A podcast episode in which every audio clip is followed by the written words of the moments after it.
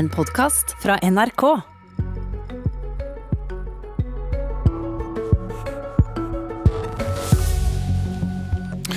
Ulven kommer og river i regjeringsforhandlingene. Og den er ikke alene. Vi skal se på nøtter og skilsmissesaker. Og vi skal gå rett til grunnfjellet hos valgets store vinner. Elisabeth Jems, du er leder i Innlandet Bondelag. I en kronikk har du, som du har skrevet sammen med lederne for Akershus og Østfold Bondelag, så sier dere at ulvesonen det nå snakkes om, den snakkes om som et rovviltreservat. Hva mener du med det? Det vi ser er at uh, områdene da fra Østfold og på østsida av Glomma opp til, uh, til og med Trysil er, uh, har fått veldig mye ulv. I løpet av den tida som har gått nå på, siden 2015, så har vi ligget over bestandsmålet for, for ulv. Og vi, vi, ligger nå dob, på det dobbelte av, av det bestandsmålet som, som, Stortinget har satt i sitt, sitt rovviltforlik. Eh, I tillegg så ser vi at det er vanskelig å få felt eh, annet eh, rovdyr i, i denne sona. Sånn at det er i praksis blitt utvikla seg til et rovviltreservat. Og det har skjedd uten at de som har rettigheter i området har fått ei krone i kompensasjon for det. Her ligger det jo nedarva urgamle beiterettigheter som, som landbrukseiendommene har, har i området. Det står om penger, er det så gærent ellers? Nei, altså dette er snakker om ressursutnyttelse. Eh, her er det viktige beiteressurser som, eh, som, samfunnet taper. Eh, og jeg tenker jo sånn at med klimaendringer som setter matproduksjonen under press på, i verden, så vil et land som Norge med 3 dyrka markbare ha bruk for alle matproduseringsressurser vi har i, i hele landet, og da er utmarksbeite en veldig viktig del av det. Hvilke forventninger har dere da til et Senterparti, deres parti, i regjering? Ja, når du sier ordet forventninger til regjeringa, og jeg er her fra Bondelaget, så er det aller aller viktigste for oss det er å få ei inntekt opp på nivå med andre grupper for matprodusentene. Eh, for jeg er tillitsvalgt for eh, bønder som, eh, som jobber livet av seg. Folk jobber 10-12-14 timer om dagen og sitter igjen med, med, langt mindre enn andre grupper. Sånn at å få til et inntektsløft og, og likestilling med andre grupper innenfor den stortingsperioden, det er sak nummer én for oss. Eh, og Så spør du om forventninger i forhold til rovviltpolitikken. Eh, og det er klart Der forventer vi en opprydning. Eh, her, her må det skje en gjennomgang, sånn at den kommer innafor det, det som ligger i i eh, stortings eh, rovviltforliket fra 2015. Eh, men vårt primære standpunkt er jo at vi ikke skal ha ynglende ulv i, i Norge, fordi at det skaper så store, stort press på beitenæringa. Dette er dyr som vi uansett kommer til å få inn, inn i Norge. og det, det mm, Jeg bor i ulvesona sjøl og er glad i natur, men vi, kan, vi, må, se, vi må se realistisk på, på den problematikken her. I, I praksis altså ikke noen egen norsk ulvestamme. Eh, vi kom jo ikke inn i det forhandlingsrommet hvor kanskje etter hvert SV og Senterpartiet sammen med Arbeiderpartiet skal sitte og krangle om dette. Senterpartiet de hadde heller ikke lyst til å komme og debattere dette i dag, og så hadde konsentrert seg om møtene. SV kunne ikke. Men jeg fikk nappet tak i nestleder i SV, Torgeir Knag Fylkesnes, ut fra en annen debatt i går, og han sa dette om rovviltpolitikken. Det skal være bærekraftige eh, rovdyrstammer. Ulv, bjørn, jerv, gaupe og ørn, er det sånn? Ja. Tenker du om det du hører der? Han vil ha bærekraftige rovviltstammer. Ja. Ja, altså vi, vi, kan ikke ha Vi kan uansett ikke ha eh, rovviltstammer på, på ulv og bjørn på egen kjøl innenfor den norske grensa. Eh, det er jo et felles, eh, felles stammer med Sverige, det tror jeg vi er enige om, de fleste. Eh, for dette er dyr som trenger veldig stor plass. Og det andre er jo det at jeg mener at vi Jeg sa jo hva jeg mener om ulv. Der må vi se på, på vi, vi, må, vi, må, gå tilbake i hvert fall til det stortingsforliket som er, og så må vi mener jeg at vi ikke bør ha ynglende ulv i Norge. Og så skal vi se en som kanskje er mer på linje med dere. Vi har Marit Arnstad, som vi også fikk en liten kommentar fra, deres parlamentariske leder. Kanskje du blir mer beroliget av dette? Vi ønsker oss en ny rovdyrpolitikk der du tar større hensyn til dem som er beitebrukere og som har husdyr i rovdyrutsatte områder. Dette var antagelig litt mer musikk i dine ører, men det var det kanskje ikke dine, Ola Elvestuen fra Venstre. Dere sitter i dag og forvalter norsk rovdyrpolitikk i praksis. Hva frykter du med en ny regjering? Nei, Jeg er selvfølgelig bekymra for at det her sånn blir en innstramming. I dag har vi en veldig profesjonell forvaltning av eh, rovviltbestandene i Norge. Og vi følger opp både det flertallsvedtaket på ulv fra 2016 og rovviltforliket fra 2012. Og det skal være en politikk som ivaretar beitenæringa. Og vi har fortsatt, Det er to millioner sau på beite i Norge. Tap av rovvilt de siste åtte åra har gått ned med mer enn 50% Det er altså et mindre, betydelig mindre problem nå enn det det var under den rød-grønne regjeringa tidligere. Og så har vi eh, de bestandene som vi er innafor de vedtakene. Når det gjelder ulv, så er det i fjor så er det, altså, det, er, det er to og en halv yngling over det målet som Stortinget har sagt.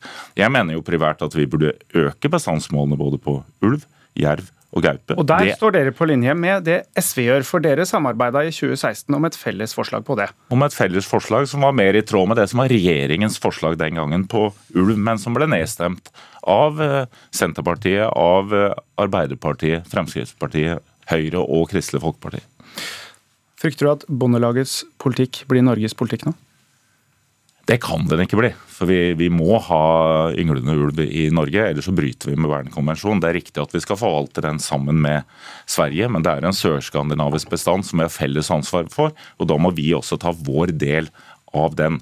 Og den er så liten, dens bestandsmål som den er i dag, at hvis Sverige hadde fulgt den samme politikken som Norge, så ville den sørskandinaviske bestanden i praksis være borte. Ja, har, dere, har dere ikke noe valg, egentlig? Dere må godta dette pga. internasjonale konvensjoner?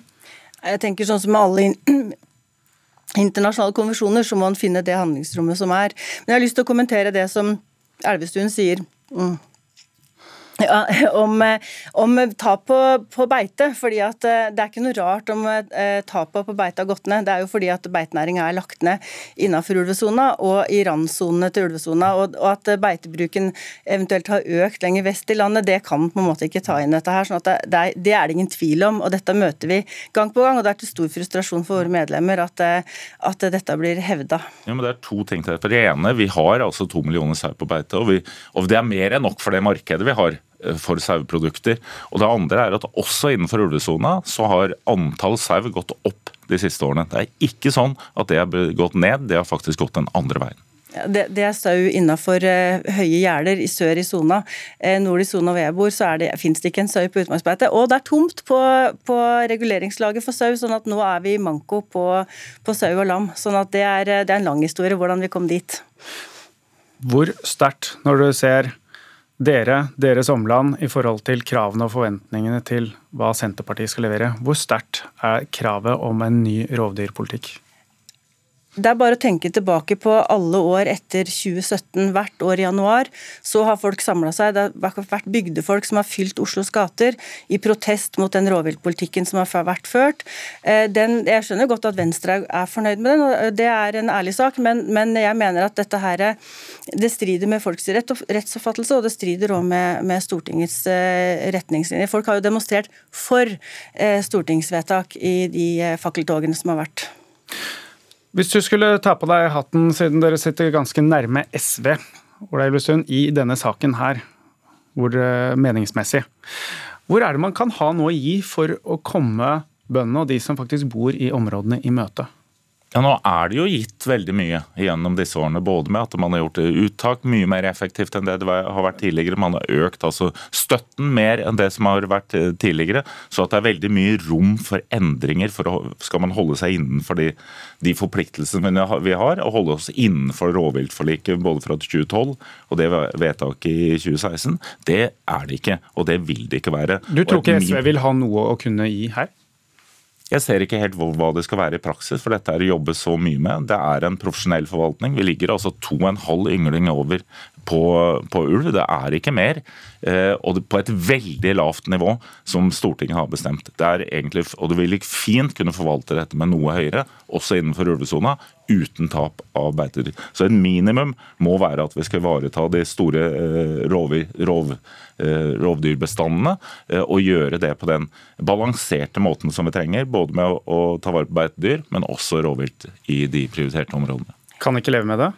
Altså, Vi ser jo tvert imot en innstramming. Vi ser at det Siste signalet fra Miljødirektoratet er at det ikke Men ikke skal være mer Nå snakker jeg om kan dere leve med den tilstanden man har nå, hvis man ikke kan gjøre noe mer? Hva vil dere gjøre i forhold til hva vil det er i forhold til krav dere har til Senterpartiet nå? Nei, altså vårt, vårt primærkrav er som jeg har sagt eh, i forhold til yngling, og, og i det minste så må man følge Stortingets vedtak. og Det er eh, fire til seks ynglinger, og nå ligger vi på åtte og en halv. Tusen takk. Da blir det det siste, åtte og en halv, i denne debatten på ynglinger. Tusen takk, Elisabeth Jems og Ola Elvestuen. Vi skal fortsette litt med utfordringene som eh, Senterpartiet og SV sammen med Arbeiderpartiet kan ha ved en eventuell regjeringsdannelse. For Magnus Takam, vi kan jo starte med ulven. Eh, selv om det ikke er det eneste kravet. Noen har hvisket at ulv kan bli vanskeligere enn klimaspørsmålet rundt forhandlingsbordet. Hvor vanskelig er denne saken? Nei, Hvis uh, den debatten her var en uh, skygge av det som kanskje kan bli tema i forhandlingene mellom de tre rød-grønne partiene etter hvert, uh, så skjønner alle at det er vanskelig. Så veldig mye avhenger av hvor, hvor, hardt de ulike partiene står på sine primærstandpunkter. SV f.eks. er ikke del av rovdyrforliket. Og de sier at det er 32 stemmer eller mandater i Stortinget som er på deres linje. sånn at eh, her tror jeg eh, man erkjenner at stortingsflertallet ligger et annet sted. Men så eh, Det må også da eh, gjelde den, den, andre parten i forhandlingene, Senterpartiet. Så, men vanskelig blir det, helt opplagt. Men jeg tror f.eks. i landbrukspolitikken, eh, som også Senterpartiet da, i denne sammenheng prioriterer selvfølgelig veldig høyt så, så, er det mer muligheter, føler jeg, til å, å finne løsninger mellom eh, både SV, eh, Senterpartiet og Arbeiderpartiet som kanskje kan dempe noe av konfliktnivået på dette området. Og Det er dette området, for dette er jo ikke det eneste konfliktområdet. Flere saker hvor disse partiene bryter. Hvor, litt sånn overordna, hvor, hvor god match er egentlig SV og Senterpartiet? Altså, SV og Senterpartiet er jo eh, på de vanskeligste punktene, tror jeg, ytterpunktene i, i disse kommende sonderingene og forhandlingene. Samtidig så skal man være klar over at også SV de siste årene har sett eh, at eh, kritikken fra Distrikts-Norge mot, eh, mot, Oslo, liksom hele den sentrum-periferi-dimensjonen i norsk politikk, har blitt viktig. Og en, som nettopp du hadde et klipp med Fylkesnes, har jo markert det på vegne av SV i fiskeripolitikk og distriktspolitikk. Sånn at i tenkning så er det overlapping her. Men både på skattepolitikk, for det fordelingspolitikk, eh, synet på klima, olje, avgiftspolitikk, effektene av en radikal klimapolitikk, er det, er det meget krevende selvfølgelig å bygge bro mellom de partiene. Og Så kan vi kanskje se på en eh, sak som har vist seg viktig for velgerne i tidligere valg, som mange er opptatt av, eh, men som ikke er diskutert så mye her. Altså asyl og innvandring. Mm. Senterpartiet utgangspunktet ofte markerer seg mer restriktivt. Eh, ikke økning på kvote, raske returer. SV i motsatt ende. Mm. Hvordan spiller det? Det er klart, Her har både Arbeiderpartiet og Senterpartiet etter flyktningekrisen flyktningkrisen i 2015 eh, flyttet sin politikk i restriktiv retning. og Dette er nok et eksempel på et tema der på en måte i hvert fall deler av ytterpunktene i, i vedkommende område er representert i forhandlingene. Så er det samtidig slik at det er i øyeblikket i hvert fall ikke et, eh, en, et akutt trykk i eh, norsk politikk på dette området. Og det tilsier at eh, det kanskje ikke er på det punktet man eventuelt bryter, og at det er det som er det siste som, som gjør at, at, at en eventuell enighet ikke blir oppnådd. Et annet uh, tema som ikke har vært veldig mye oppe, men vi ser justispolitikken, hvor, hvor Senterpartiet legger seg hardere også i forhold til unge lovbrytere enn det vi ser SV gjør. Er det også en, eh, en mulig eksplosiv ja, Det er klart Vi hadde noe i valgkampen mellom Jan Bøhler og Kari Elisabeth Kaski om, om dette, ungdomsgjenger osv. i Groruddalen, der det var en skikkelig konfrontasjon. Men jeg tror, som jeg var inne på, det er oljepolitikk, klima, som blir den bratteste veien å gå for, for disse partiene for å bli enige. Den blir i hvert fall bratt. Tusen takk, Magnus Takvam. Dette var Politisk kvarter. Mitt navn er Trond Lydersen. Du har hørt en podkast fra NRK. Hør flere podkaster og din NRK-kanal i appen NRK Radio.